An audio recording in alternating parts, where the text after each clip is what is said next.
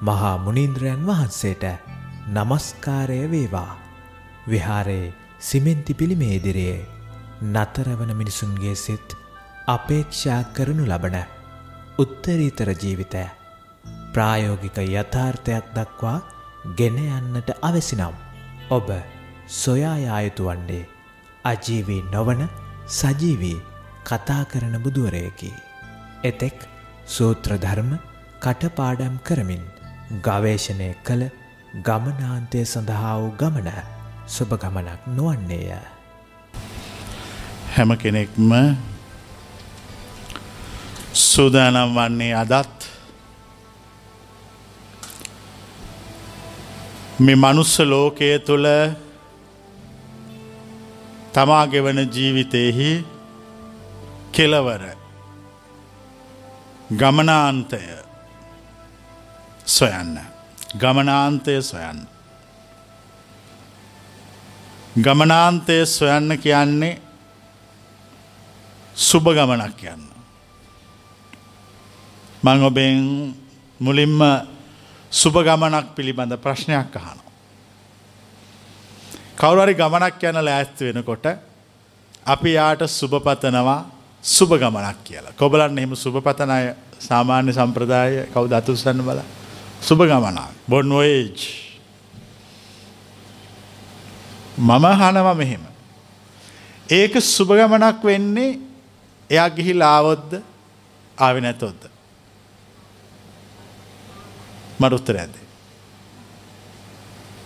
ඒක සුභගමනක් වෙන්න එයා ගිහිල් ආවොද්ද ආව නැතුව හිටියොද්ද. කොබලන්න ඒක සුභගමනක් වෙන යා නැවත ගමන ගිහිල එන්න ඕන කියල හිතන අය අතුස්සන්න. ඒක සුභගමනක් වෙන්න නං ගිහිල්ලා එන්න ඕන නෑ කෙන අතුස්සන්න. මා ඔබට කියනවා සැබෑවටම සුභගමනක් යන මිනිසා නැවත නොයන බව. ගමනු සුබනං ගේ හරි තැනට නං තමුන් හිතනදේ තමුන් බලාපොරොත්තු වෙනදේ තමුන් සොයපුදේ එතන තිබුණනං ආ එන මෝඩයක් කවුද ආ එන මෝඩයක් කවුද ගියේ සුභගමනක් නං තමුන් හිතපු දේතන නැත්තං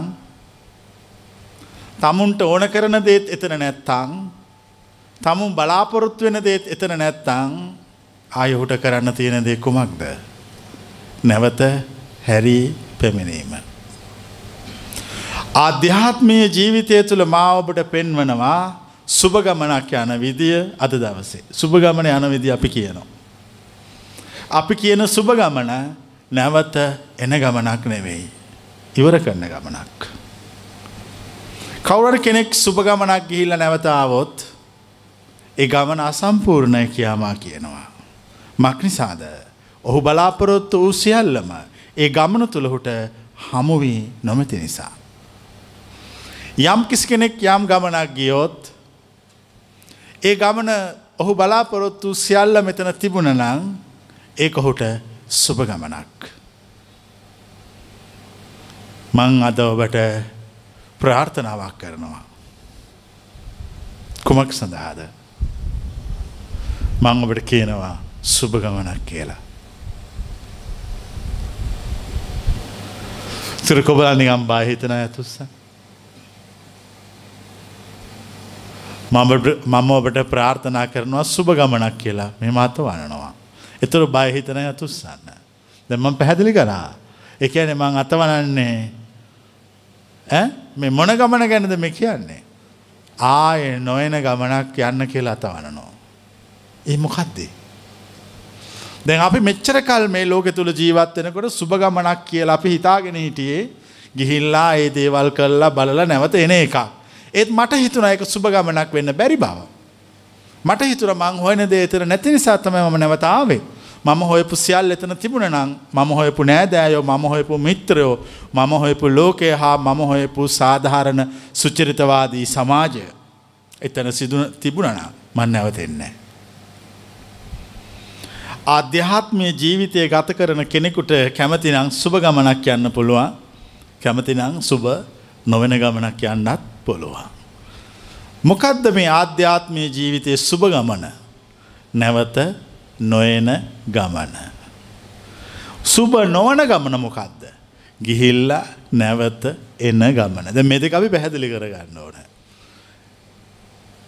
මුලින් අපි පැහැදිලි කරනවා සුබ නොවන්න ගමන කැන නැවත ගිහිල්ල එන ගමන. කෙනෙක් මේ සසර දුකයි කියල දකිනෝ. ජීවිතය දකිනෝ. වේදනාව දකිනෝ. මරණය දකිනෝ. ලෙඩවීම දකිනෝ. ශෝකවීම දකිනෝ. මිනිස්සු හඬා වැටෙනෝ. බලාපොරොත්තු ඉටු කරගණ්ඩ මහා සටනක් කරන මිනිස්සු දකිනෝ. මේ සියල්ල දැක්කාහම කෙනෙක් ජීවිතය ගැන කල්පනා කොන්න. මොකක්ද මේක. මොකක්ද මේක අර්ථය. කවුද මේක අර්ථය දන්න කෙනා. මේ ජීවිතය අවසානය අපට ලැබෙන්නේ මොනවාද. කිසිම දෙයක් ලැබෙන්නේ. අන්තිවට මරණය හම්බ වෙනවා. කෙනෙක් මරණය දක්වා ගත කරන ජීවිතය පියවරෙන් පියවර පියවරෙන් පියවර මහා දුක්කස්කන්දයක්. ඒ දුක්කස්කන්දේ හැඩීම් ගොඩක් තියෙනවා. වැලපීම් ගොඩක් තියෙනවා. වේදනාවන් ගොඩක් තියෙනවා. අසහනකාරී මානසික ස්වභාවයන් ගොඩක් තියෙනවා. අතෘප්තිකර ජීවිතයක් තෘප්තිමත් නොවෙච්ච ජීවිතයක් ඒක පුරාවටම පිරිලා තියෙනවා. එක පුරාවට මාතෘප්තිකර ජීවිතයක් තියෙනවා. එතකොට එයා කල්පනා කරනවා මට බැරිද මේ ජීවිතය තුළ මන් ලබපු මේ මනුෂ්‍යාත්මය තුළ තෘප්තිමත් වෙන්න. සන්තෝස්දායක වෙන්න. උපරිම තෘප්තියට පත්වෙච්ච පරමාදර්ශී චරිතයක් පරමාදර්ශී ජීවිතයක් උතුම් නිර්වාණය අවබෝධ කරගත්ත යහපත් ජීවිතයක් ගත කරන්න මට බැරිද.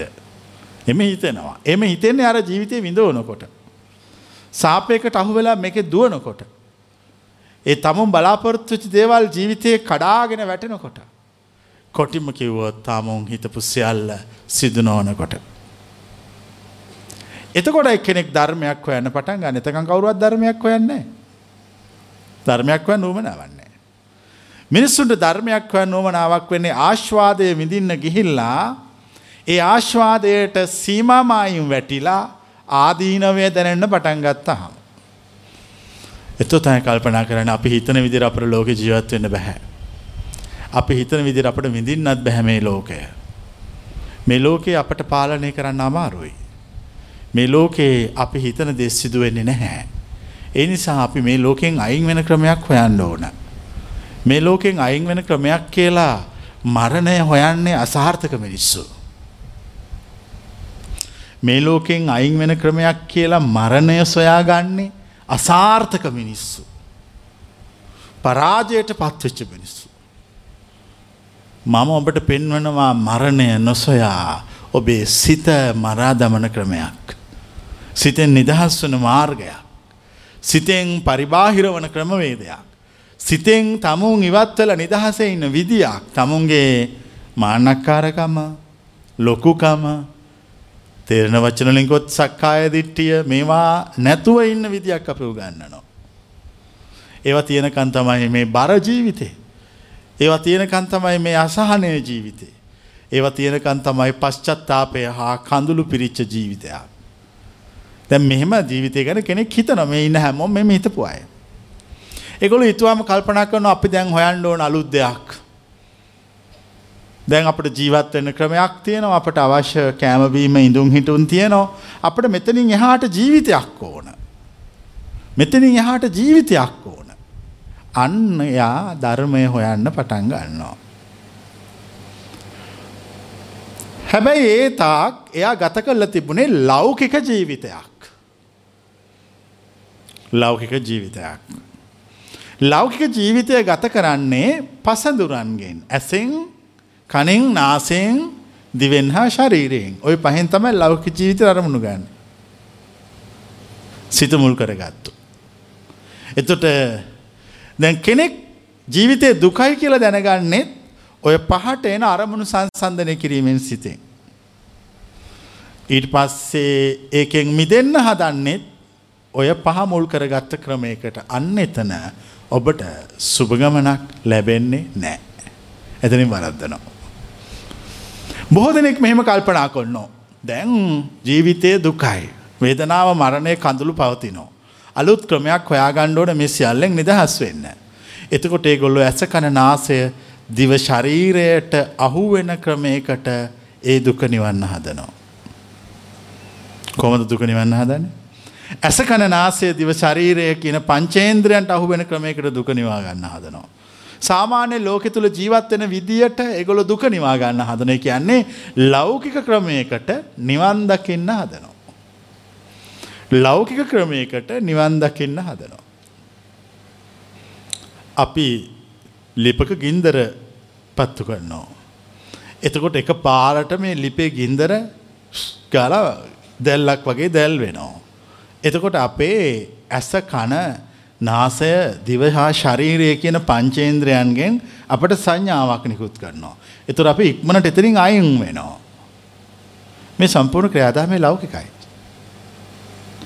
මේ ක්‍රියාදාමය පුරාවටම තියෙන්නේ උත්තේජවලට ප්‍රතිචාර දැක්වීමක්. උත්තේජවලට ප්‍රතිචාර දැක්වීම කොබලන්න මේවා පැහැදිලි අය. දැන් සිත ඇතුළේ උත්තේජයක් ඇති වුණ මොකක් ඇති වෙච්ච උත්තේද ජීවිතය දුකයි කියලා. අසහනය පවතින බව වේදනාව තරහා කාමය ඊර්ෂ්‍යාව එකනිකා පරයා නැගී සිටින් නැති කැමැත්ත අනුන්ගේ අඩුපාඩු දුර්වලතාවයන් සොයන්ඩ ඇති ඕමනාව. ඔන්න දැන් උත්තේජයක් ඇති වුණ. දැන් ප්‍රතිචාර දක්වනෝ. කොමද ප්‍රතිචාර දක්වන්නේ. විවිධ පුද්ගලයෝ විවිධ විදියට ඒ උත්තේජයට ප්‍රතිචාර දක්වනෝ. සමරකට හිතනවා දැන් මට මේ ජීවිතය දුකයි කියලා හිතුණා. මට දැන් මේක තේරුණා. මං දැන් මේක නැති කරගන්නවා. මං යනවා කඩේට ගන්නවා මල් ටිකක්.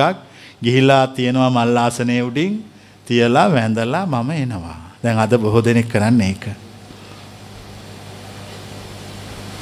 ඊට පස්සේ එයාගේ හිත ඇතුලේ ඇතිවෙච්ච ප්‍රශ්නයට එයා උත්තරයක් දුන්නා. ඒ උත්තරේ යාට එදාට හරි. ඊට පස්සේ එයා කරන්නේ දෙවෙනි දවසෙත් තුන්වෙනි දවසෙත් හතරවෙනි දවසෙත් පස්වෙනි හයවෙනි ඔය ඔය ක්‍රමේ දිගට කරන්න යනවා. ඒ කියන්නේ මොකක්ද එයා කරන ක්‍රමේ මල් පූජා කරනවා. හඳුන් කුරු පත්තු කරනවා, පහන් පත්තු කරනවා.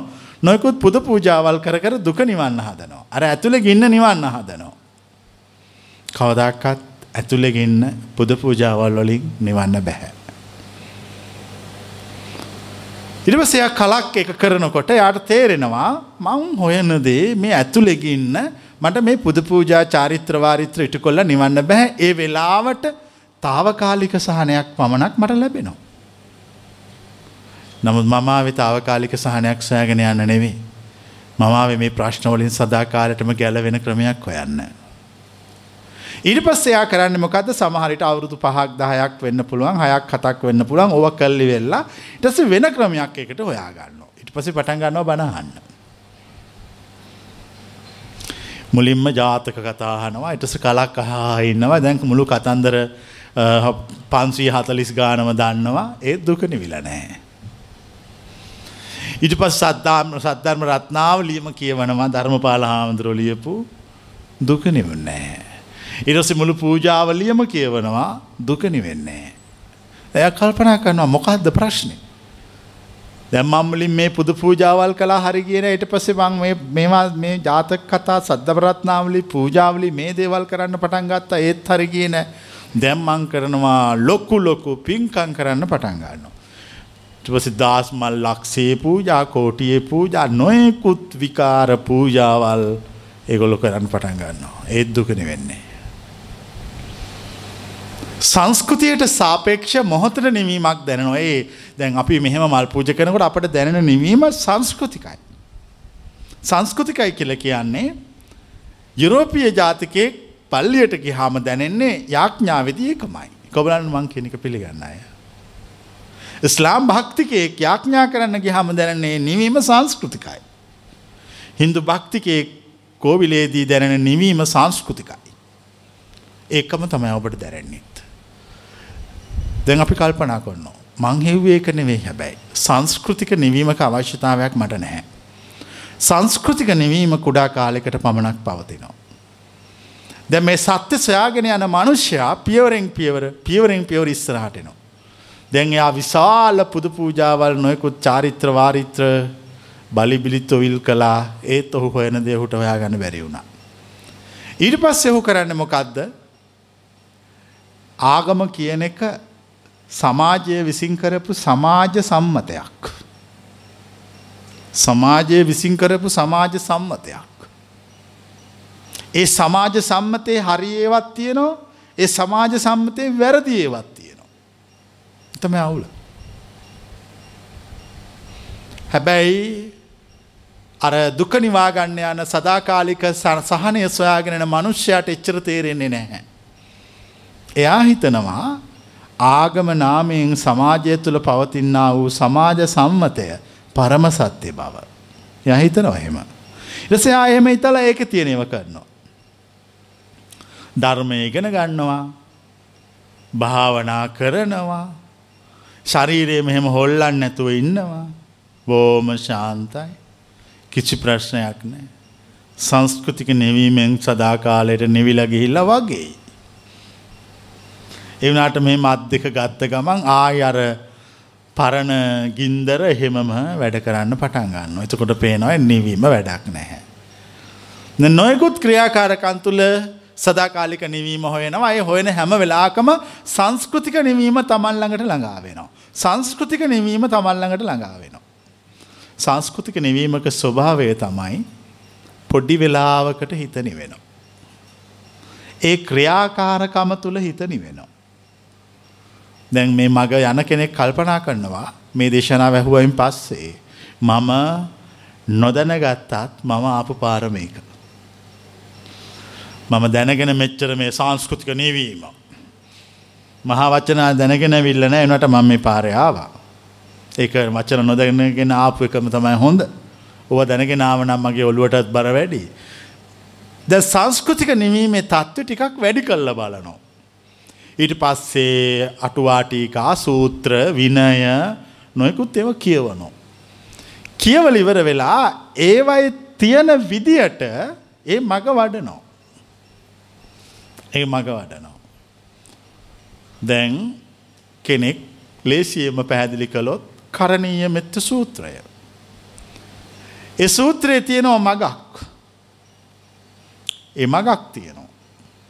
ඒ මග වඩනෝ. ඒ මගේ උඩින් තියෙන ඔක්කෝම එදා භාරතීය සමාජය තුළ තිබිච්ච සංස්කෘතික කාරණා ටිකක්. මෛත්‍රී කරන විදිය. සිව් බව වෙහෙරණ වඩන විදිය ඒවක්කොම සංස්කෘතික කාරණා. කවුරට කෙනෙක් ඒ ටික කරනවා. කල්ලි වෙල කියන ඒ වෙලාට විතරයිනේ. මෙහෙම මෛත්‍රී භාවනාව වඩනො මම නිදුක් වේවා සුවපත් ඔහොම කියනකොට හරි. ඊට පස්සේ සාමාන්‍ය ගෙදර ඇවිල්ලා ඔෆිස් එකේ වැඩ කරනකොට ගෙදර වැඩ කරනකොට ළමයිත් එක්ක ඉන්නකොට බස් එකේ යනකොට අර භාවනා මධ්‍යස්ථානය තුල තිබිච්ච නිවීම ඇත්තේ නැහැ. මොකක් හරි ප්‍රශ්නයක් තියෙනවා. ඔවුන් කල්පනා කරනවා. ඒ ප්‍රශ්නය ගැන. ඒ ප්‍රශ්නයක් තියෙන්නේ ඔවුන් මේක හරිම කෑල්ල වඩල නෑ. මොක දෙයා නිවන් දකින දැන පොතේ තියෙන විදිරනේ සූත්‍ර අධ්‍යනය කල්ලා. සූත්‍ර අධ්‍යනය කළ කවදක්කත් නිවන් මග ප්‍රායෝගික යථාර්ථයක් බවට පත් කරගන්න නම් බැහැ. අපි කියන්න එක කල්ලා ඉවර වෙලා. ඉට පස්සේ සූත්‍රයේ තියෙන අන්තිම ගාථාව අරගෙන ඒ ගාථාව තියෙන විදියට කරන්න හදනෝ දිට්ටිංච අනුපගම්ම සීලවා දස්සනේන සම්පන්නෝ කාමේසු විනෙය්‍යගේදං නහිජාතු ගබ්බසෙයං පුනරේති. ඒගෙන දිට්ටිංච අනුපගම්ම කිසිම දෘෂ්ටියකට පැමිණෙන්න එපා. ඒ ඇනේ සම්මාධිට්ටියට පත්වෙන්න කියනවා. ඉට පස්සයා මෙච්චර නොතේරුණත් වෙන දිට්ට දිට්ටිංච අනුපගම්ම. කිසිම පැත්තකට යන්න පාලු. ඉට පස් එයාට ඕන වෙලා මේක ඇත්ත කතාව හොයාගන්න. ඊට පස්ස කියනවා දස්සනේන සම්පන්නෝ. දර්ශන සම්පත්තියෙන් යුක්ත වෙන්නලු දර්ශනයෙන් යුක්ත වෙන්නලු. දස පොත්තුලි මේවට අර්ථ හොයනවා. ශාසෝතා පන්න වෙන්නලු. කාමේසු විනය්‍යගේ දං. කාම කියල එතන කියන්නේ මවකුසට. නැවත මවකුසකට නූපදනා පරිදි සිත හදන්නල කැන අනාගාමි තත්වට හදාගන්නල වෙච්චරයි. ඔය කතාව හරි ලේසි වනට ඕකට අවශ්‍ය කරනව ලොකු ප්‍රායෝගික කතා බහක්. ඒ ප්‍රායෝගික කතා බහ ඒ සූත්‍රයේත් නැහැ ඒ සූත්‍රයට අදාළ අටුවාවෙත් නැහැ. එතකොට ලොකු පටලැවිල්ලකට පත් වෙනවා යථාර්ථය සොයන්න ගිහිල්ලා. මං අහන්නේ දැන් මේ විදියට නිවන් දකින්න ගිය කෙනෙකුට සුබ ගමනක් තියනවද කියලා. නෑ. සුබ ගමනක් නෑ. ඒ සූත්‍ර ඉගෙන ගන්නවා ඒවා එක එක්කෙනාට දේශනා කරනවා උගන්වනවා ප්‍රැක්ටිස් පුරුදු කරනවා. හැබැයි එයාගේ ඇතුළ නිවෙන්නේ එයාගේ ඇතුළ නිවෙන්නේ දැන් ওই විදිහට ආයි තව සූත්‍රයක් ගන්නවා. අරගෙන ආයි ප්‍රැක්ටිස් කරනවා. දැන් උන පරාභව සූත්‍රය පුරුදු කරනවා. වසල සූත්‍රය පුරුදු කරනවා. ඒ වුණාට එක තැනක ගිහිල්ලා හැමෝම හිර වෙනවා. අර මුල් කාරණා ටික ඕන කෙනෙකුට කරන්න පුළුවන් ඒක සංස්කෘතික කාරණා. අන්තිමට අන්තිමට අන්තිමට යනකොට මේක කරන්න බැහැ ඒවා දාර්ශනික කතන්දර. දැන් වසල සූත්‍රයේ කියන ටික හරියටම කරගෙන ජීවත් වෙනවා. පරාභව සූත්‍රයේ හරියටම කරගෙන ජීවත් වෙනවා. ඊට ඒක අන්තිමට කියනවා මෙන්න මෙහෙම මෙහෙම කරන්න කියලා. ඊට පස්සේ මංගල කාරණා ටික මංගල සූත්‍රයේ කියවල ඒ ටික පුරුදු කරගන්න. ඒකේ අන්තිමට කියන ටික කරගන්න බෑ. මේ හැම දහමකම අන්තිමට ඔබට කරන්න බැරි දෙයක් තියෙනවා. කරන්න බැරි දෙයක් දේශනා කළාද? ඇතර කරන්න බැරි දෙයක් නෙමෙයි ඒක. ඒකට අවශ්‍යයි ජීවමාන උපදෙස් දෙන්නෙක්. ඒ කෑල්ලට අවශ්‍යයි ජීවමාන උපදෙස් දෙන කෙනෙක්. ඒ ජීවමානව උපදෙස් දෙන කෙනා ඒ කෑල්ල කරලා තියෙන්න ඕන. ඒ කෑල්ල ඒ කොටසයා වඩල තියෙන්න ඕන එක ප්‍රායෝගික විපස්සනා අත්දකීමක් ප්‍රායෝගික ජීවිතය තුළ අත්දකීමක් වසයෙන් දැනගෙන තියෙන්න ඕන. එහෙම නැත්නම් ඒ උතුමා ඇත්තටම නිවන් දැකලා තියෙන්න ඕන. නිවන් දැකපු නැති කිසි කෙනෙකුට නිවන් අවබෝධ නොකළ කිසි කෙනෙකුට ඒ ඔය සූත්‍රවල තියෙන අන්තිම කෑල්ල විග්‍රහ කරන්න බෑ. වචනාර්ථය කියන්න පුළුවන් අටුවා ටීකනී ටිප්පනි වල තියෙන අර්ථ විග්‍රහ කරන්න පුළුවන් ඒවා ඒ වචන පැහැදිලි කරන්න පුළුවන් නමුත් ප්‍රායෝගික යථාර්ථයක් දක්වා යන විදිය පියවරෙන් පියවර පියවරෙන් පියවර පැහැදිලිව දේශනා කරන්න බෑ. සාමාන්‍ය සසර දුක සසර දුකයි කියලා දැනෙච්ච ජීවිතයේ යථාර්ථය සොයාගණ්ඩ වෙච්ච උවමනා වෙච්ච මනුෂ්‍යයෙක් නිවන් දකින්න ඇවිල්ලා හිරවෙන තැන ඔතන. දිග ගමනක් එයාව සමාට සාමාන්‍යයෙන් මේ කියපු පාත් එකේ මේ කියපු මාර්ගයේ කෙනෙක් කෙනෙකුට අවුරුදු 25ක් 30ක් 40ක් විතර එයා ඒක ඇවිල්ලා. ඒ 40ට එනවා අතන දක්වා. දැන් එතනින් එහාට යන්න බෑ. දැන් මම ඔබෙන් ප්‍රශ්නයක් අහනවා. කෙනෙක් යනවා නිවන් දකින්න සාම්ප්‍රදායික ක්‍රමවේදයකට. ඒ සාම්ප්‍රදායික ක්‍රමය කියල ැන පොතපත දැනුම ඇසුරු කරගෙන හා තමන්ගේ සංස්කෘතිය තුළ තමන්ගේ ශිෂ්ඨාචාරය තුළ තමන්ගේ ආගම තුළ තියෙන දේවල් කරමින් ජීවත් වෙනවා. ඒ අර නිවනු සොයනවා. එයාට එන්න පුළන් උපරිම තැන අර අන්තිම තැනට විතරයි. තනියාට යන්න බෑ. එතවට කෙනෙක් මෙ මේ කල්පනා කරනවා. දැම්මං අවංකම මේ කාර්ය කරා මට මේ අන්තිම ගාථාවල්ල තේරුම මං ඔයා ගත්තා මං අටුවා ටීකා ටිප්පනි ඔක්කොම කියෙව්ව හැබැ කිසි මෙහෙක පැහැදිලි පැහැදිලි කිරීමක් නෑ මේක කරන්නේ කොහොමද කියලා. එතොට ප්‍රශ්නයක් එනවා. ඇත්තටම මේක ඇත්ත අද්ද. නැත්තම් මේක කවුරුහර ලියපු බොරු කතාවක්ද. ඔබට ඔබේ ගුරුවරයා හමු වෙනකා ඒක බොරු කතාවක්. කොබලන එක තේරිච්චයි. ඔබට ඔබේ ගුරුවරය හමු වෙනකම්. ඒ තියෙන අන්තිම ගාථාව බොරු කතාවක්. එ කරන්න බෑ. එක කරන්න කිසිම විදිකට පුළුවන්කමකුත් නැහැ. දැන් ඔන්න කෙනෙක් කල්පනා කරනවා දැම්මං අවුරුදු ගානක් වෑයන් කලා මේ අන්තිම කතාව තේරුම් ගන්න මට එක තේරෙන්නේ නෑ. දැන් ඊට පස්සේ ඔහු ඒ නිවන් දෙකීම නවත්තන්න වෙනවා. නිවන් දැකීම නවත්තලා ඔහුට සොයන්න වෙනවා ජීවමාන සාධකයක්. ජීවමාන සාධකයක් කියලා කියන්නේ ඒ නිවන පණ තියෙනකොට අවබෝධ කරගෙන ජීවත් වෙලා ඉන්නවයි කියන කෙනෙක්. ඉරි පස්සේ හෝ ඔක්කොම ටික අතෑරලා දාලා සත්‍ය සොයන්න පටන් ගන්නවා. ඇත්තට ඔහු මේ වෙනකන් සත්‍යසය පොතපත් ඔස්සේ හා සංස්කෘතිය ඔස්සේ දැන් ඔහු අද ඉඳල තමයි සත්‍ය සොයන්න පටන් අරගෙන තියෙන ජීවමාන සාධකයක් සොයන්න පටන් අරගෙන. ගුරුවරෙක් සොයන්න පටන් අරගෙන තවත් වචනොලින් කියනවනං පණ තියෙන බුදු කෙනෙක් සොයමින් යන්න පටන් අරගෙන. කතා කරන බුදු කෙනෙක් සොයන්න පටන් අරගෙන. එතෝට එයා නිවන් දැක්කයි කියන රහත් වනයි කියන බුදු උනයි කියන විවිධ අය සොයාගෙන යනවා. විවිධ සොයාගෙන ගිහිල්ලා ඔහු මේතාක් ලබාගත් දැනුම හා අත්දැකීම් හා ඔහුට විසඳාගත නොහැකිව තිබූ ප්‍රශ්න ඔවුන්ගෙන් ප්‍රශ්න කරනවා. ඔවුන්ගෙන් ප්‍රශ්න කරනවා. එතකොට ඒ අතරින් ඔවුන් සොයාගෙන ගිය අතරින් යම් කෙනෙක් ඔහුගේ ප්‍රශ්නයන්ට ඔහුට විමුක්තිය පිළිබඳ සියලු ප්‍රශ්නවලට නිර්වාණය පිළිබඳ සියලු ප්‍රශ්නවලට උත්තර ලබා දෙනවා. අන්න ඔහු තමයි ඔහුගේ ගුරුවරය. මන්දැන් ඔබ ප්‍රශ්නයක් අහන. ඔහු ඊළඟට සිදු කළ යුත්තේ කුමක්ද. ඔහු මොකුත් කළ යුතු නැහැ.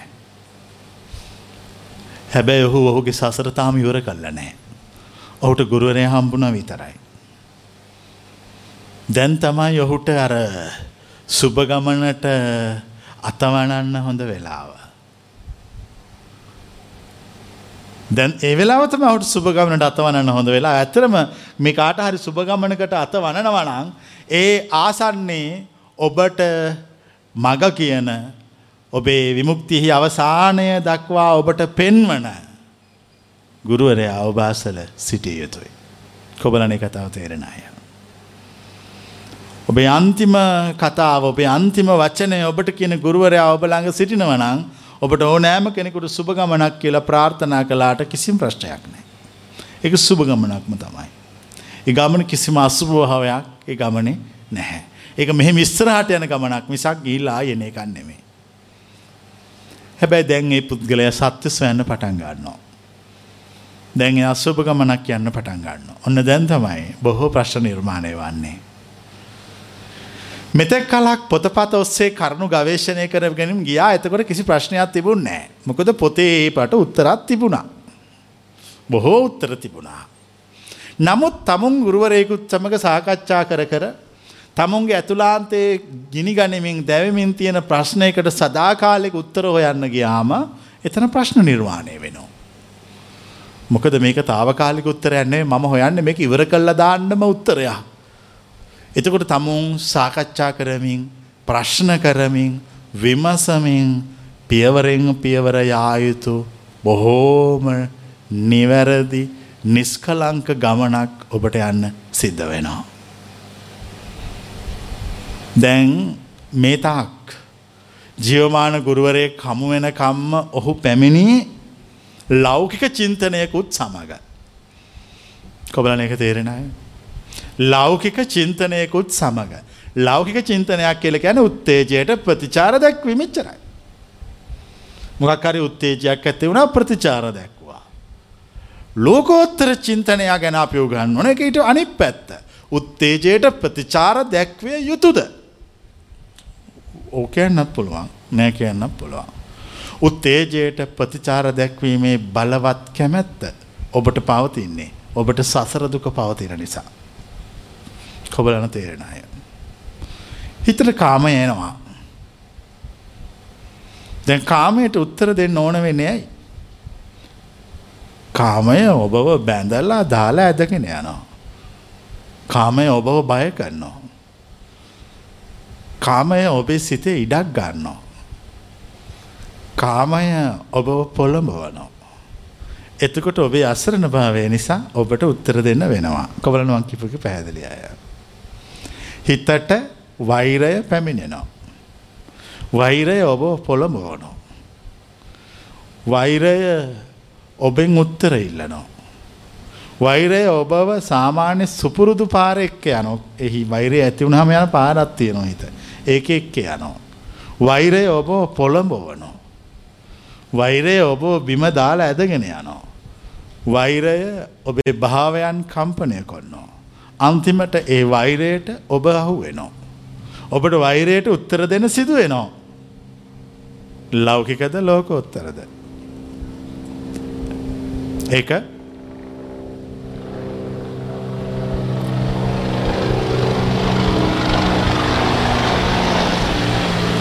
ඒක ලෞකිකයි. ඒක ලෝකොත්තර නැහැ.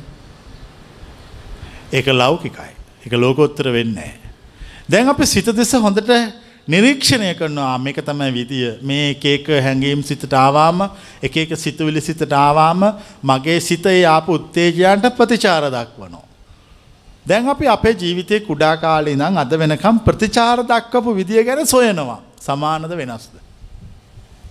සමානයි. හැමදාම එකම විදිහකට ප්‍රතිචාර දක්වලා. තරහට එකම විදිහකට ප්‍රතිචාර දක්වලා. වෛරයට එකම විදිහට ප්‍රතිචාර දක්වලා. ඊර්ෂ්‍යාව හිතට ආවහම ප්‍රතිචාර දක්වලා. කාමයාහම ප්‍රතිචාර දක්වලා. දැන් මම ලෞකිකද ලෝකෝත්තරද? ලෞකික නිසා ප්‍රතිචාර දක්වලා. ලෞකික නිසා ප්‍රතිචාර දක්වලා. දැන් ඔබට ජීවමාන ගුරුවරයෙක් මුණ ගැසෙනවා. ඔහුට පණ තියෙනවා. ඔබෙන් ඔහු ඔහුගෙන් ඔබ අහනවා මෙහෙම. මේ මේ සිතුවිලි සිතට ආවහම මම කොහොමද හැසිරෙන්න ඕන.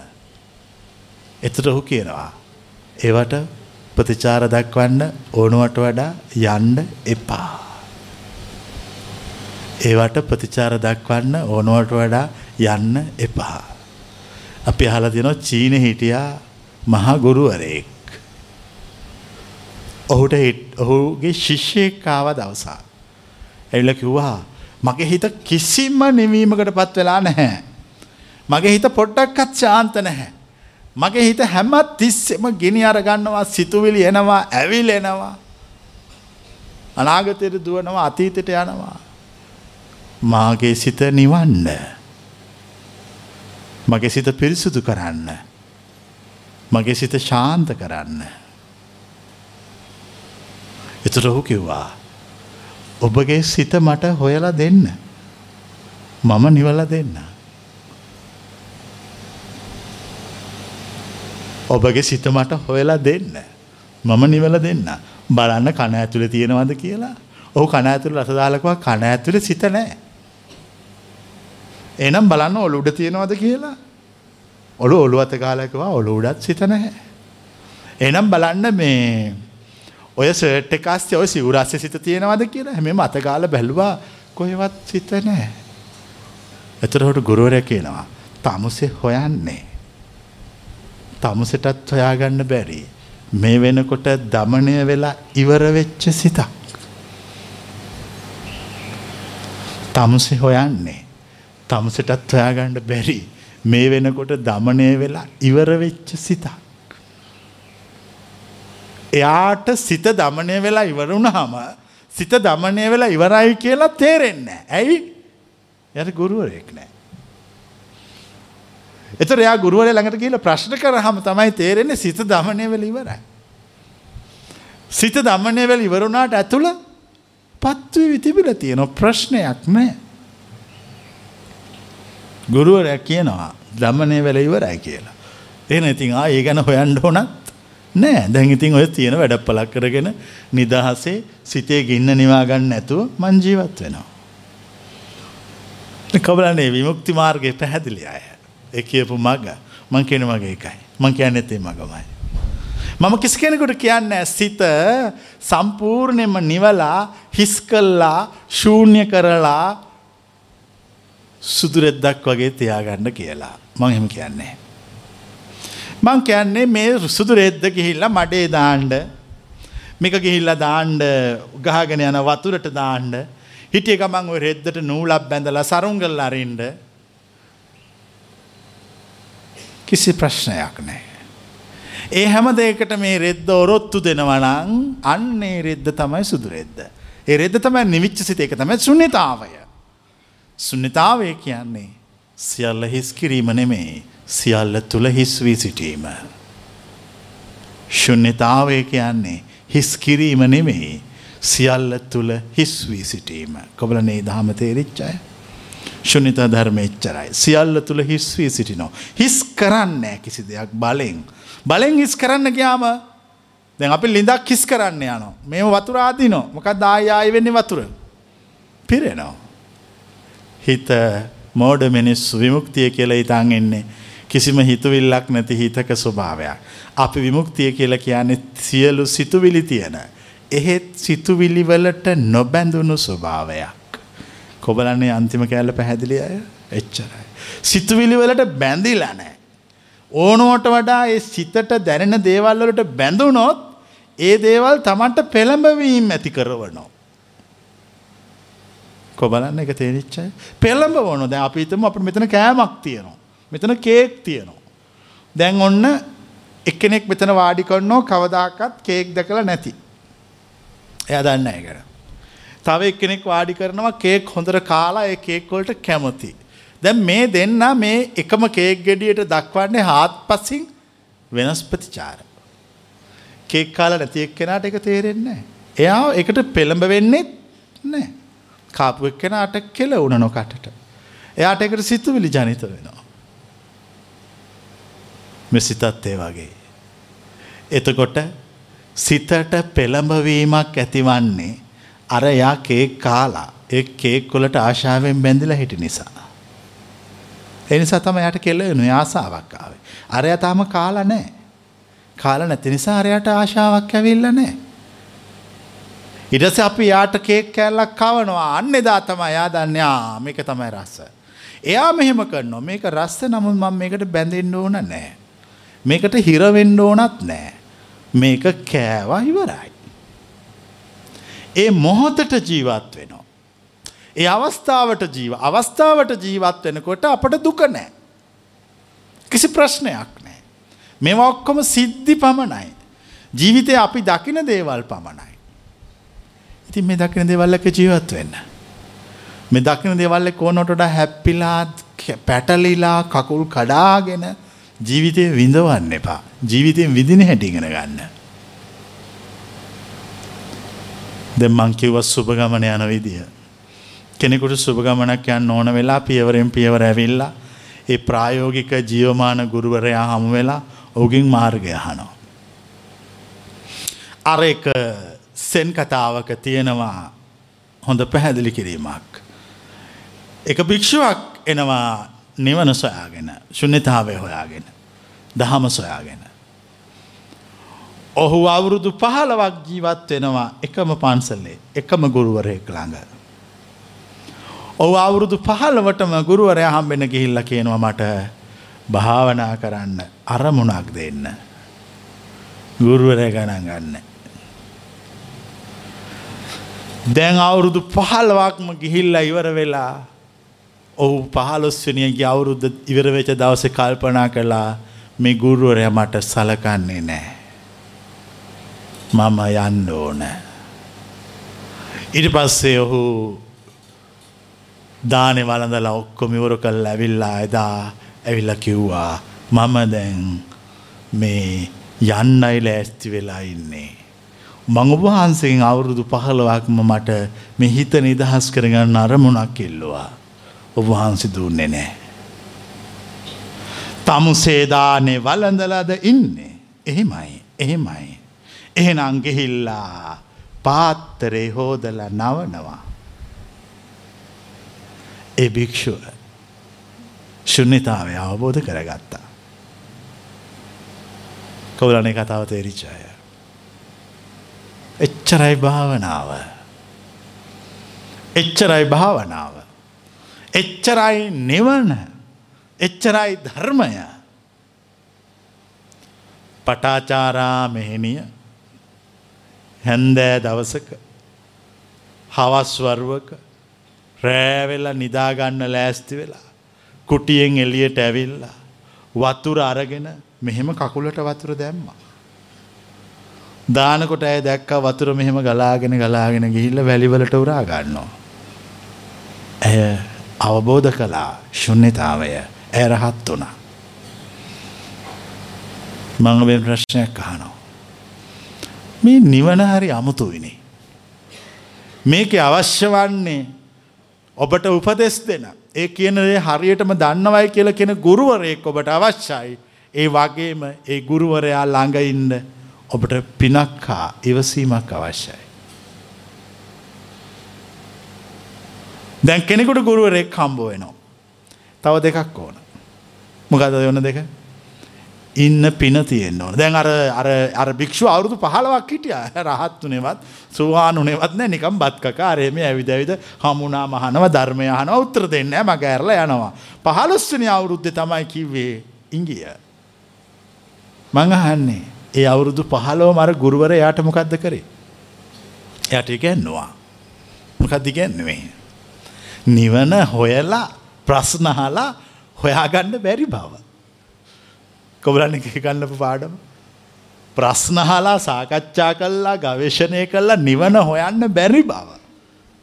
ඇත්තටම හොයන්න කිසි මෝමනාවක් නැතුව මනස විවෘත වෙලා ප්‍රබෝධයට පත් වෙලා තියෙන අවස්ථාවක ඔබත් නොදන්නා විට නිවන ඔබළඟට එන බව. පලුස්සනි අවුරුද්ධගෙන ගත්තේ. දැන් ඔබට තියෙන ප්‍රශ්නය. සුභ ගමනක් යන්ඩ අවසර නැති කරුණු දෙකක් තියෙනවා.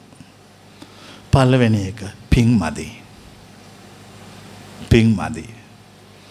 ඒක අපිට මෙතන විසඳන්න බෑ.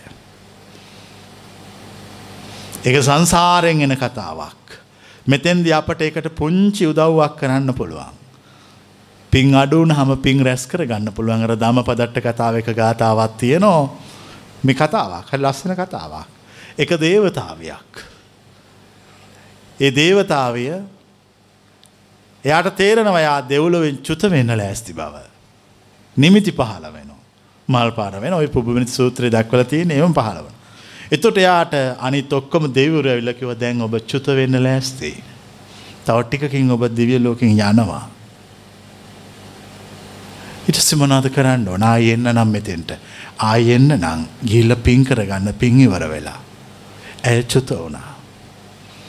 ඇයට පස්සේ ඇවිල මනුෂ්‍ය ලෝකෙ නැවත ඉපදුනා කෙලෙ කතාව තියෙන්. ඉපදිල ඇය බොහෝ පින් කලා. අවුරුදු හැටක් ජීවත් වුණා. හැටක් ජීවත් වෙලා නැවත ගිහිල්ලා ඒ මල්වත්තේ එතනම පහල වුණා. එතකොටත් අරගුල්ලු මල් නෙල්නවා. එතරහුව කොහෙද ගියේ ම මන්සලෝකට ගියා ගිහිලා පින් කලා බුදු කෙනෙක් ඉන්නවා මංකරන්න නොක්කොම වත් පිළිවෙත් සත්කාර කරලා පින් ගොඩාක් එකතු කරගෙන ආය ඔබලා අතර පහල වුණා. කෙනෙක් නිවන් දකින්න යනකොට යට ගොඩාක් පින් තියෙන්ට ඕන. එපින් නැත්තං එයාට කවදක්කත් ඒ මගේ යන්න බැහැ. පින් අඩුවනොත් ඔබට නැවත අර දේවතාවිය වගේ මොකද කරන්න පුළුවන්. චුතවෙන් නැතුව පින් කරගෙන ආයේ මඟ වඩන්න පුළුවන්. චුතවෙන් නැතුව පින් කරගෙන ආයතනදල යන්න පුළුවන් ඒකට අපට උත්තරයක් දෙන්න පුළුවන්. හැබැයි ඔක්කොට වඩා මට හිතෙන ලේසි කියලා සසර තමුන් අවශ්‍ය සියලු පුණ්‍ය ශක්තිය එකතු කරගෙන ආවනම් එයාට මේ ගමන යන්න පහසුයි. ඊළඟට වෙන ප්‍රශ්නය. ඉවසීමක් නැහැ. තේරී ගාථා පාලියේ එක තැනක තියෙනවා එක තෙරණයක්. ඒ තෙරණිය කියනවා මෙහෙම. මම අවුරුදු විසිපහක්. මගේ කාමගින්න නිවාගණ්ඩ බැරුව. තැනින් තැනට තැනින් තැනට පාරවල් ගානෙ ඉබාගාතය ඇවිද ඇවිද ගිය. අවුරුදු විසි පහක්. අවුරුදු විසි පහකට පස්සේ මගේ කාමගෙන්න නෙවිලගයා. එකනට අවුරුදු කියක් ගිල්ලද ඇට අවුරුදු විසි පහක් ගිල්ල. එක කෙනාගේ විමුක්ති මාර්ගය හා අවබෝධය පූර්ණත්වය විවෘත වන්නේ එක එක වෙලාවට එකට අපට වෙලාවක් කියන්න බැහැ. ප්‍රශ්නය තියෙන්නේ ඔබ ළඟ කිසිම ඉවසීමක් නැති නිසා ඔබට සුභගමනක් නෑ. ඉවසීමක් නෑ. හැම් මේ ඉවසීමක් නැතිවෙන්න හේතුව මමත්වය තියෙන නිසා. දැන් දැන් හැමෝම හිතනවා මම යන්න ඕන මං ගිහලා ඉක්මනටම නිවන් දකින්න ඕන. ඒතර කවුද නිවන් දකින්නේ? මම නිවන් දකින්න ඕන. මොකටද මං නිවන් දකින්නේ? දුක නැතුව ඉන්න ඕන නිසා. ඒතර මම නිවන ඕන නිසාද මේ නිවන් දකින්නේ දුක නැතුව ඉන්න ඕන නිසාද? දුක නැතුව ඉන්න ඕන නිසා. ඒතර දුක නැතුව ඉන්න කෙනෙක් ඉන්නවනේ. ඔව් කෙනෙක් ඉන්නවා. ඒ කියන්නේ උඹේ අරමුණ ඉටු වෙන්නේ නැහැ කවදාකවත්. කොබලන්න මේක මේ දැන් මෙ තේරෙන අය. මට නිවන් දැකලා ඉන්ඩෝන කියල එකක් නෑ. මං ඒ කියන එක අහනවා නිදහස් වෙනවා එච්චරයි. එච්චරයි. එතනින් එහා මට මුකුත් ප්‍රාර්ථනාවක් බලාපොරොත්තුවක් අනාගතයක් වැඩ පිළිවෙලක් මට එමකුත් නෑ. මට මුකුත් නෑ. මොකද මම ගියේ නිවන්ද කළ ජීවත් වෙන්න නෙමේ අනික නිවන්ද කළ කාටවත් ජීවත් වෙන්න බැහැ. කොහොම ජීවත් වෙන නිවන්ද කළා. දැන් ඒ නිවනට පත්වෙන්නේ නැත්තේ ඒගොල්ලෝ ඒ අවබෝධයෙන් පස්සේ එතනින් එහාට හොඳ ජීවිතයකුත් හොයනවා. කොබලන්න මේ තාක් හොයපුයි. එගොල ඉතුර අපට හොඳට ඉන්න ඕන. අපට සන්තෝසෙන් ඉන්න ඕන.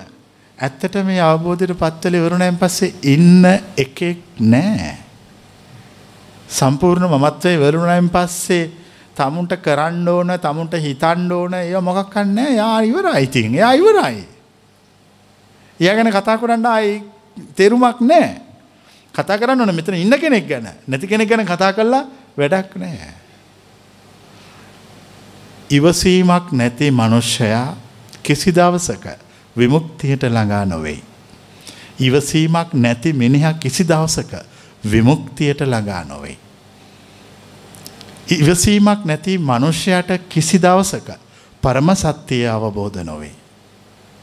ඒකයි සියලු බුදුවරු දේශනා කරන්නේ. වාද ප්‍රාතිමෝක්ෂයේදී කන්ති පරමං තපෝ තිතික්කා කියලා. සියලු බුදුවරු දෙසන්නේ එකයි. ශාන්තිය ඉවසීම තමයි උතුම්ම තපස උතුම්ම බ්‍රහ්මචර්යාව. දැන් කෙනෙක් මේ මග අහලා මෙ මග හරී කියලා සම්මත කල්ලා. වඩන්න බැරිවුණොත් බැරිවෙන්න මොකක් නිසාද. ඉවසීමක් නෑ. එයා වඩන මග තුළ ප්‍රතිඵලයක් සොයනෝ. මට මතකයි මං මේ මග වඩනකොට මං මේ ඔක්කොම දැනගෙන හිටියේ. මේ ලෞහික චින්තනය මනුෂ සිත තුළ ක්‍රියාත්මක වෙන විදිය මට පැහැදිලි වුණා. ඒ වගේම ලෝකෝත්තර මාර්ගය වැඩිය යුතු පිළිවෙලත් මට පැහැදිලි වුණා. මට තේරුණා මම බලාපොරොත්තුවක් ඇතුව නිවන් දකින්න ඕනේ කියලා හිතලා නිවනක් සොයාගෙන මොකක් හරි දෙයක් කළොත් මම ආය ලෞකික වෙනවා. මම නිදහස් ජීවත් වෙනවා. මං මගේ හෘද සාක්ෂියට අවංක වෙනවා. මන් දන්න සීලය එච්චරයි. හෘද සාක්ෂියට අවංකව ජීවත් වෙනවා. මට තේරෙන දහමත් එච්චරයි. මම කිසිවකට බැඳෙන් නැතුව ඉන්න බලනව බැඳුනොත් හිත බැඳිච්ච බැඳෙන විදිය හා බැඳිලා පවතින විදිය හා බැඳීමෙන් අනතුරුව සිත පවතින විදිය මම නිරීක්ෂණය කරනවා. මං කරන්න එච්චරයි.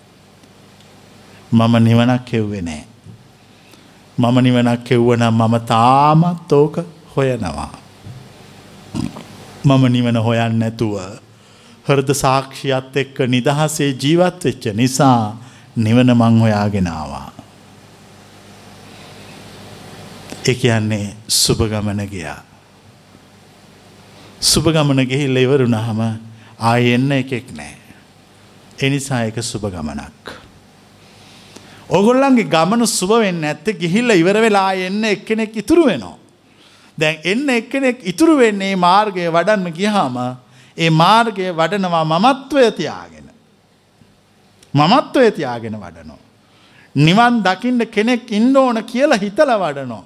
නිවන් දැකලා සතුටෙන් ඉන්න අවශ්‍යයි කියලා එයාට හිතෙනවා. එතකොට නිවන් දැක්කලා සතුටෙන් ඉන්න අවශ්‍යයි කියලා හිතුනහම එයාට නිවන ගැන පූර්ව නිගමන පහළ වෙනවා. නිවන මේ වගේ ඇති. නිවන මේ වගේ ඇති. එතෙන්ට ගියාම මේ වගේ ඇති. ඒ මමත්වයත් එක්ක තමයි ඒ සියලු පූර්ව නිගමන පහළවන්නේ. එතකොට පරමාර්ථය ලෝ පවතින එකම සත්‍ය ඒ මෝඩයට අවබෝධ වෙන්නේ. ඉවසීමක් නැති මනුෂ්‍යයෙක් කිසි දවසක ගමනාන්තයට ළඟාවන්නේ. ඉවසීමක් නැති මනුෂ්‍යයෙක් හැරිලා එනවමයි. ඉවසීමක් නැති මනුෂ්‍යයකුට එක අවසානයේ දකින්න බෑ. සාමාන්‍යෙන් කෙනෙක් ඕනම ක්‍රියාකාරකමක් කරනකොට ටික කලක් යනකොට එයාට එපා වෙනවා. එයා මමත්වයත් එක කරපු නිසා. කොබලන තේරෙනයි. ඕනම දෙයක් ටික කලක් කරනකොට යට එපා වෙනවා. ඒ ක්‍රියාකාරකම කෙරෙහි කලකිරෙනවා. මම ඔබට බ්‍රහ්මචර්යාව කියල පෙන්නන්නේ එවැනි කලකිරෙන ක්‍රියාකාරකමක් නෙවෙයි. මම උගන්වන බ්‍රහ්මචර්යාව මම උගන්වන ඒ සුන්දර ගමන අවසං ගමන ආයන ගමනක් නෙවෙයි. එතර මම උගන්නන බ්‍රහ්මචර්යාව පුද්ගල අනන්‍යතාවයක් ඇතුව වඩන එකක් නෙවෙයි. මකද කිව්වේ පුද්ගල අනන්‍යතාවයක් ඇතුව වඩන එකක් නෙමේ. යම් කිසි කෙනෙක් මා කරන දේශනාව අහලා. මම කියන වචන අහලා. පුද්ගල අනන්‍යතාවයක් ඇතුළේ තියාගෙන මම දේශනා කරන බ්‍රහ්මචර්යාව වඩන්න ගියොත් ටික දවසකදී යාට එක එපා වෙනවා. ඇයි? ඒ පුද්ගල අනන්‍යතාවය යාගෙන් ප්‍රතිඵල ඉල්ලනෝ. එක හරිට රස්සාාවක් කල්ල මාසයන්තම පඩියක් ඉල්ලනවා වගේ. රස්සාාවක් කළ මාසයන්තම පඩි ඉල්ලනවා. ඒවාගේ ඔබේ සිත මේ මග වඩල ඉවරුණ හා ඔබෙන් අහනවා මොනාද හම්බවනේ. එතර ඔබට සිතට උත්තර දෙන්න වෙනවා.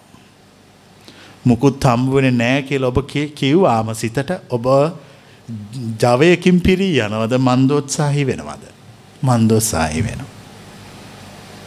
මන්දෝත්සාහි වෙනවා. කෙනෙක් මං කියපු වචන හල මේ මග වඩන්න පටන් ගන්නවා. කටක් කලක් වඩාගෙන වඩාගෙනේ මග යනකොට යාගේ හිතයාගෙන් අහනවා. මොනව දුබට හම්බ වනේ මුකුත් නෑ. ඇතර මම කාටවත් මුකුත් හම්බ කරලා දෙන්නේ නෑ. මම එමිනිහළඟ තිවිච්ච සියල්ල නැති කරලා දානවා. මාදිස්සු මගේයයි. එතොට ඔබ ඔබ සිතට කියන්න මට මොකුත් ලැබුන්නේ. මට කිසිම අවබෝධයක් ලැබුණෙත් නෑ. හැබැයි මල්ලඟ තිබිච්ච කුණු උන්වහන්ස එකතු කරගත්ත. මල්ලඟ තිබිච්ච අපිරිසිදු බව මල්ලඟ තිබිච්ච කෙලෙස් මල්ලඟ තිබිච්ච නැහැදිච්චකම උන්වහන්සේ තියාගත්තා. ඉට පස්සේ මට යන්ඩ කිව්වා. මම උඹල හොයාගෙනාව. ඇත්තරම මට හම්බෙච්ච දෙයක් නැහැ මල්ලඟ තිවිච්ච දේවල් නැති වෙලා මට. ඒකතය මං පෙන්න්නපු පාර. දැ මෙතන අවබෝධය ඔබට හමු නොවන්නේ. ඔබ යමක් බලාපොරොත්තුවෙන් බඹ සරවසනවා. බලාපොරොත්තුවෙන් බලාපොරොත්තුවත් තියාගෙන බ්‍රහ්මචාරී වෙනවා. දිවිලෝක යන්න හිතාගෙන මේ දහ මහනෝ. මම මිනිස්සු දිවියලෝකෙට අරින මැශිමක් නෙවෙයි. මම දිවියලෝකට මිනිස්සු අරින මෝලක් නෙවෙයි. දැ වී මෝලෙන් කරන්න වී දැම් මහම් මේ පැත්තෙන් හාල්ලෙන එක. මං මේ පැත්තෙන් පිනුත් එක්ක මිනිස්සු යට පිරි කරයි මල්ලු එක්ක දාලා මේ පැත්තෙන් දිවියලෝකට අවන්නේ. මං එහෙම කරන කෙනෙන් නෙමේ. මිනිස්සු දිවියලෝකෙට අරින මෝල් මිනිස්සු දිවියලෝකෙට අරින මැෂින් ලෝකෙ හැමදාම තියෙනවා. හරි ලේසි ඒවගේ මැෂිමක් හදන එක. අට පිරිකර මල් පහන් සුවඳත් එක්ක මිනිහෙත් දැම්ම හම කෙලී මේ මැෂිමෙන් දිවියලෝකෙට යන්න. මම මිනිස්සු නැති කොන්නවා. උන්ගේ ආත්මාර්ථය නැති කොන්නවා. පිරිසිදු බුද්ධාගමේ දිවිය ලෝක යාමක් ගැන කතා කරන්නේ නැහැ. පිරිසිදු බුද්ධාගමේ කතා කරන්නේ නිවන් දැකීමක් ගැන. බුදුවරු මනුෂ්‍යලෝකෙට එන්නේ. මිනිස්සු සිල්වත් කරන්නවත් දිවියලෝක යවන්නවත් නෙමෙයි. මිනිස්සුන්ට රිදෙන්න ගහල යන්ඩ. මොකටද බුදුර මනුසලෝකට එන්නේ. මිනිස්සු සිල්වත් කරන්නවත් දිවිලෝක යවන්නවත් පිම්පුරවන්න නෙමෙයි රිදෙන්ඩ ගහලා යන්න. මොකටද රිදින්න ගහන්නේ නුඹගේ මමත්වයට. නුඹගේ ආත්මාර්ථයට. නුඹල්ලඟ සදාගත්ත නුඹට. නුබ කුඩා කල ඉඳන් නඩත්තු කරගත්ත නුබේ මමත්වයට ගහනවා. ඒ මමත්වයට පහරදීලා පහරදීලා යා ටික ටික පිරිසුදු කල්ලා එයාට ශුද්ධ භූමියයට පත්වෙන්ඩ පරිසරය හදන එක් කියන්නේ. හැබැයි එතෙන්ට යන්න ඕනන ගොඩාක් ඉවසන්න ඕන. මම මේ ඉන සිල්ලු දෙනාටම කියනවා දැම් මේ ධර්ම දේශනාව තා පොට්ටකින් අවසං නිවන් දකින්න කැමති අයි පෝලිමක් හැදෙන්ට කියලා.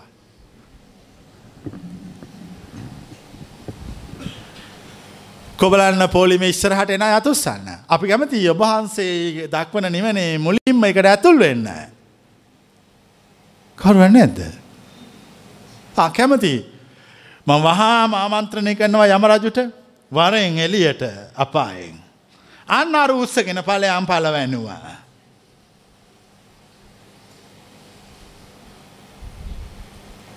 දැන් අර පල් පලවැනිම නිවන් දකින කැමති කියපෙක් කෙන කවු දෙක්කන්ගේ.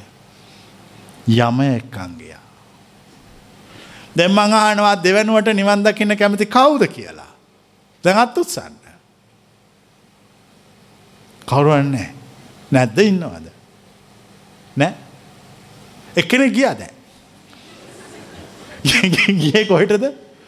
කෙලීම් ආවිච්චි මහනරකාදියට යටම එකට ගියේ.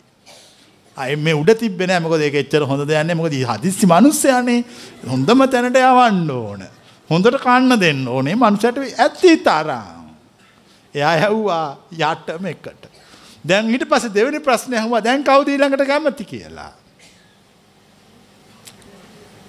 දැන් කවුරුවන්නේ. ඊට පස්සේ මං කිව්වා එහෙනම් පොලිමත් දැන් හැදෙන්න ආ එක එක්කෙනා නිර්වාණයට යවන්න කියලා. දැන් ඔගොල්ලෝ පොලිමක් හැදෙන්න පටන් ගන්න. කොබලන්න පොලිම ඉස්සරහට එන්න කැමති අය. පිටිපස්සෙන් ඉන්න කැමති අය.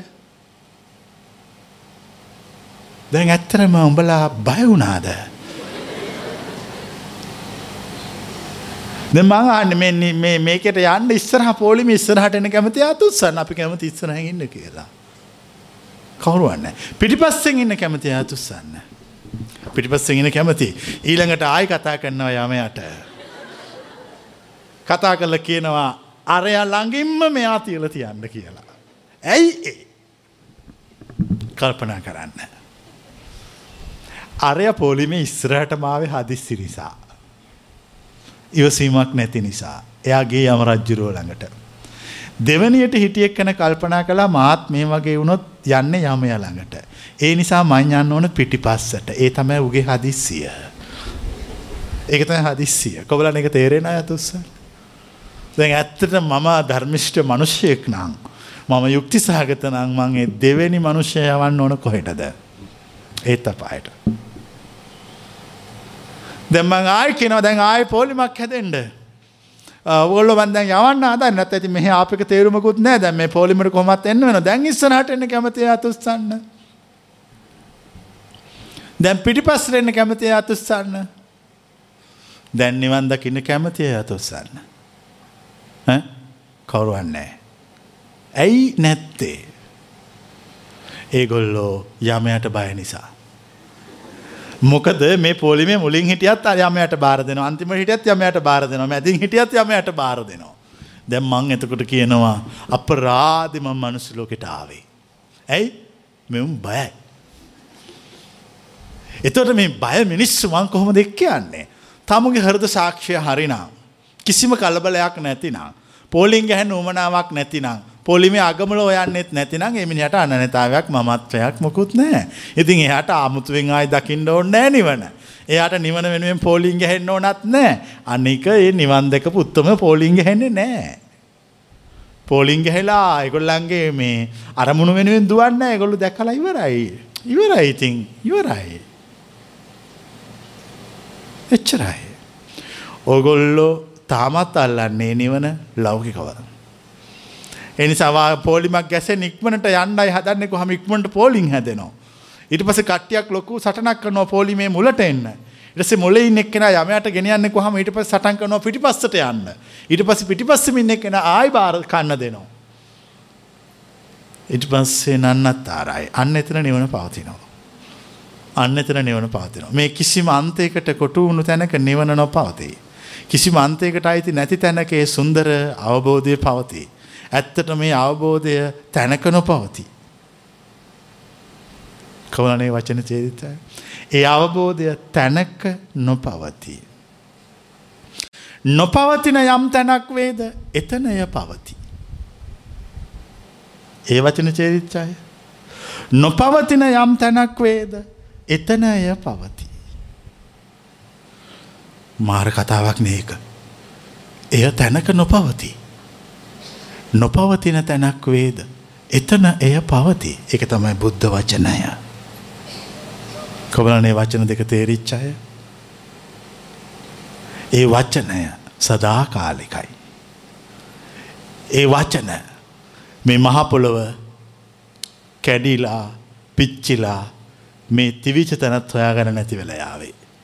අර සූරයා යම් දවසක මියදේවී. චන්ද්‍රයා යම් දවසක කඩා වැටේවී. මුළු සෞරග්‍රහ මණ්ඩලයත් මන්දාකිනියත් යම් දවසක නැතිවේවි. ඒත් අරමා දෙසූ වචනය පවති. ඒ කිව් වචනය පවති. ඒ වචන කිසි දවසක නැති නොවන්නේමය. ඒ වචන කිසි දවසක විනාශ නොවන්නේමය. ඒ වචන කිසි දවසක ගෙවී නොයන්නේය. ගෙවී නොයන්නේය. ඒ වචන කිසි දවසක කිසිවකුට වෙනස් කළ නොහැක්කේය. දැන් ආයිත් අපි කතා කරනවා නිවනට යන්න එන්න කියලා. එතුර කලබල වෙච්ච කිසිම කෙනෙකුට යථාර්ථයට පරමාර්ථයට එකතු වෙන්න බැහැ. කලබල නොවෙච්ච මිනිස්සු නිදහසේ මගට ගමන් කොන්නවා. ඔබට තියෙන ප්‍රශ්නය. ඔබ තාම ඇතුලෙ කලබලයකින් ඉන්න. ආධ්‍යාත්මය තුළ පවතින කලබලය. ඒ ආධ්‍යාත්මය තුළ පවතින කලබලය. ඔබට හදිස්සි කරවනවා. තාම හම්බුන් නැද්ද. අදවත් හම්බවෙයිද දන්නේ නැහැ. මොකද නිවන නිවන. ඔබේ හිත ඔබට හදිස්සි කරවනවා. ඒ හදිස්සි කරවන හැම වෙලාවකම ඔබ යථාර්ථයෙන් දුරස් වෙනවා. පරමාර්ථයෙන් දුරස් වෙනවා. මුලාවට මයාවට ලෞකිකත්වයට ළඟා වෙනවා. කාට අරි කෙනෙකුට ඕන වෙන ලෝකෙ පරමාර්ථය සොයා ගන්න. ඇත්තම ඇත්ත ලෝකෙ තියෙනදේ. කිසිම බොරුවකට යටත් නොවන දේ. කිසිම සම්ප්‍රදායකට හසු නොවන දේ. මෙ මේ ලෝකෙට අපි යමක් සොයාගෙන මෙතෙන්ට පැමිණියේද අන්නේ සොයාගෙනපු ඇත්තම කාරණේ. මං ඔබට කියනවා. වචනහලා නිකං ඉන්නකි කියලා. වචනහලා සොයන්නේ මාගේ වචන කෙරෙහි විශ්වාසය නුබලාට නැති වූ විටයි. කවලන වචන තේරිච්ච අය. මාගේ වචනය කෙරෙහි නුබලාට විශ්වාසය නැති වූ විට. නුබලා මාගේ වචන අසාය සොයයි. කිසිදස්සු සොයන්න බෑ. වචන අසන්න පුළුවන්. හදිස්සි වෙන කෙනාට ඉවසීමක් නැති මනුෂ්‍යයට කිසි දවසක එක සොයන්න බෑ. සදාකාලික නිවීම ශුන්්‍යතාවය අවබෝධය පූර්ණත්වය කිසිම හදිස්සියක් නැති තැනක පවතින්නේ. කිසිම හදිස්සියක් නැති තැනක පවතින්නේ. මං ඔබට ඉවසීම මල්ලකට දාලා පුරවලා දෙනවා මේ මල්ල හොඳ තැනක් බලලා තියන්න කියලා. දැමොකක්ද මල් ඇතුළති ඉවසීම. දැතොටේ මන්සේ කල්පනා කරනවා කන්තිී පරමන් තපෝ තිතික්කා. සියලු බුදුරු දෙසල තියෙන ඉවසීම ශ්‍රේෂ්ඨයි කියලා. සියලු බුදුරු කියල තියෙන බ්‍රහ්මචර්යාව කියන්න ඉවසීම කියලා. සියලු බුදුරු දෙසල තියෙන්නේ මේක තියෙන කෙනාට විතරයි එතෙන්ට යන්න පුළුවන් කියලා. එහෙනම් ඔය කියන නිවනට වඩා මගේ අතේ තියෙන මේ මල්ල වටිනවා. හරිද වැරදිද. හරි මේ මල්ල තියන්න ඕන මට පුළුවන් හොඳම හා ශ්‍රේෂ්ඨම හා ඉහළම තැනින්. දැන් එයා ඉවසීම කියන මල්ලත් අරගෙන එයා යනවා. එය අයා ගිහිල්ල කියනවා මං ඔබට ඉතාමත්ම ගරු කරනවා ඔබ මම ගෙනැල්ලා මේ මල්වට්ටිය උඩින් තියෙනවා. ඔන්න දැන් ඉවසීම කතා කරනවා මේ පිස්සු නැතුව තිය හම්බිමි. එතකොට අහනවා ඔබ ශ්‍රේෂ්ඨයි කියලා සියලු බුදුවරු කියල තියෙනවා. ඔබ තමයිලු එකම කාරණය මේ මග මේ බඹසර අවසන් කරන්න. මේ ඉවසීම නැති කිසි කෙනෙකුට නිවනට පත්වෙන්න බෑ කියලත් තියෙනවා. මං ඒ සියල්ල දන්න හින්දායි ඔබ මල්වට්ටිය උඩින් තියන්නේ. එතට ආයිවසීම කියනවා පිස්සු නැතුව බිමින් තියපා. එතකොට එයා අහනව ඇයිඒ මම ශ්‍රේෂ්ඨනම් මම උතුම් නම් මම කවර කරුණක් නිසා මේ උඩයින්ඩ ඕනද මම ශ්‍රේෂ්ඨ නිසා මං බිමින් එන්නවා. උඹට තරන් කලබලයක් මට නෑ. උඹට තරන් සාපේක්ෂික ගොඩකුත් මට නෑ. උඹට තරං හිතේ තියෙන වටිනකං ගොඩකුත් මට නෑ මොකද මම ඉවසීම. මම ඉවසීම. මම තමයි ශාන්තිය. මම ශාන්තිය නිසා මම කියනවා මට හොඳ තැන මෙතන නෙමෙයි බිම කියලා. දැන් අර මනුස්සයට මොකක් වෙනවද? ඔය කියන්නේ මනුස්සයට මොකක් වේද ඔය වචන ටික ඇහුවොත්. දැන් මේ ඉවසීම හොට කතා කරනවා. ඔට ඉවසීම කියනවා මම ඉන්න ඕන බිම මෙතන නෙමේ ඉන්න ඕන. මං අහන්නේ මනුස්සයට මොකක් වේද කියලා. අවසාසනසේ මනුස්සට තේරෙන තමන්ට ඉවසීමක් නැති නිසා තමයි මේක දැන් මේ සියල්ල කරන්න යාට ඉවසීමක් නැති නිසා එයා ළඟ නැති දෙයට යාට වටිනකමක් තියෙනවා. එයා ළඟ නැති දෙයට යාට වටිනකමක් තියෙනවා. කොබලන එක තේරිච්ච අය. ඒ නිසා ඒක එයා හොඳ තැනක තියන්න හදනවා. එතකොට ඒ ඒ එයා අරය කතා කොන්න ඇත්තට මේ මල්ල ඇතුළින් එක්කනේ තමයි ඉවසීම. එයා කියනවා මේ ඔන්න ඔය බිමින් තියෙන වයිසේ මට නිදහසේ ඉන්න ඔය මගුල උඩ ඉන්න බැහැ. එයා ඉවසීම. එයාට අයි වෙන වචනයක් එතෙන්ට අපි ආදේශ කරන්න බැහැ. ඇත්තටම ඉවසීම තියන්න ඕන බිම. මං ඔබෙන් ප්‍රශ්නයක් අහනවා. වටිනා මැනිකක් මේක උඩ තිබ්බත් අර බිම තිබ්බොත් එක වටිනකම වෙනසක් තියෙනවද කියලා. නෑ නේ. ඉතින් වටිනකම වෙනසක් නැත්තම් ඇත්තටම තියන්න ඕන කොතනද ඒක? බිම තියන්න ඕන. දැන් එතකොට අපි ඒ මල්ල අතේ තියාගෙන කල්පනා කරනවා මං කොච්චර මෝඩද? මං කොච්චර අඥානද? මගේ තුල කිසිම නිවීමක් නැහැ. මගේ තුල කිසිම තැම්පත් බවක් නැහැ. මේ මේක ඇතුළේ ඉන්න ඉවසීම මට කියනවා එයා හැසිරෙන විදිය. එයා කලබලයක් නැතුව ඉන්න විදිය හා එයා ඉන්න තැන. මට ඒ ඉන්න තැන පිළිගන්න තරම් ආත්ම ශක්තියක් නැහැ. ඒ නිසා මං හරි කලබල වෙලා. ඇත්තටම ඔබට මග සොයාගන්න බැරි වන්නේ ඔබේම කලබලේ නිසා.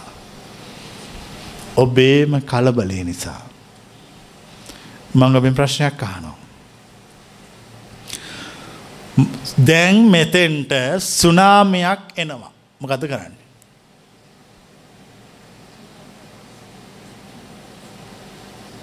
මුකුත් කරන්න එපා වාඩි වෙලින්න.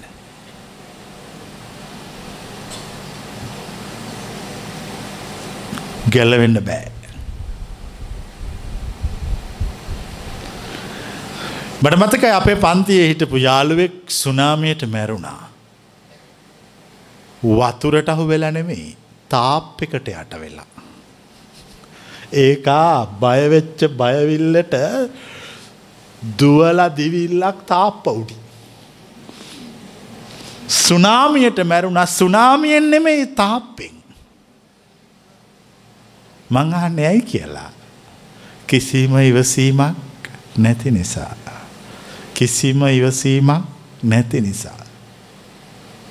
ප්‍රශ්නය මිනිස්සු ජීවිතය භාරගන්න බයයි. මිනිස්සු ජීවිතය අසරණ නිසා නිවනක් හොයනු. හුඟාක් ඉවසීමට පත්වෙච්ච කෙනෙක් එහෙම එකක් හොයන්නේ නැහැ. ඇත්තටම හුවේක ඔක්කොමටික එක හොයලා ඉවරයි. හොයලා අවසන්. කලබල වෙනවා. පුංචි දේටත් කලබල වෙන මනුස්සෙකුට මම ඒ කියන සුද්ධ භූමිය කවදක්කත් ඔහු ළඟට එන්නේ නැහැ. ඒ විමානය ඔහුට පහළ වෙන්නේ නැහැ. ඔහු හැම දාම ඒක වෙනුවෙන් යාඥා කරනවා කන්න ලව් කරනවා ඒකට පූජාවල් තියෙනවා ප්‍රාර්ථනා කොන්නවා නිවන් දකින්න නිවන් දකින්න නිවන් දකින්න කියලා හැබැයි ඒක යථාර්ථයක් වෙන්නේ නැහැ. මම ඔබට කියනවා ඒක යථාර්ථයක් කරගන්න ක්‍රමය මොකක්ද එකම ක්‍රමය කන්ති පරමං තපෝතිතික්කා. දැන් කෙනෙක් මේ දහම අහලා. එයා කල්පනා කරනවා මේක තමයි ක්‍රමය. කිසිම දෙයකට කම්පණය වෙන්න අවශ්‍ය නැහැ. බාරගන්න එක විතරයි අවශ්‍ය. ඕම් බාරගෙන ඔම ජීවිතයට පුරුදු වෙන්න අවශ්‍යයි. එයා පුරුදු එයා ගමනක් යනවා. එයා ඉස්සරහට යනවා. එතර මං පිටිපස්සෙන් ඇල්ල කියන ඔයාට සුභ ගමන් කියලා.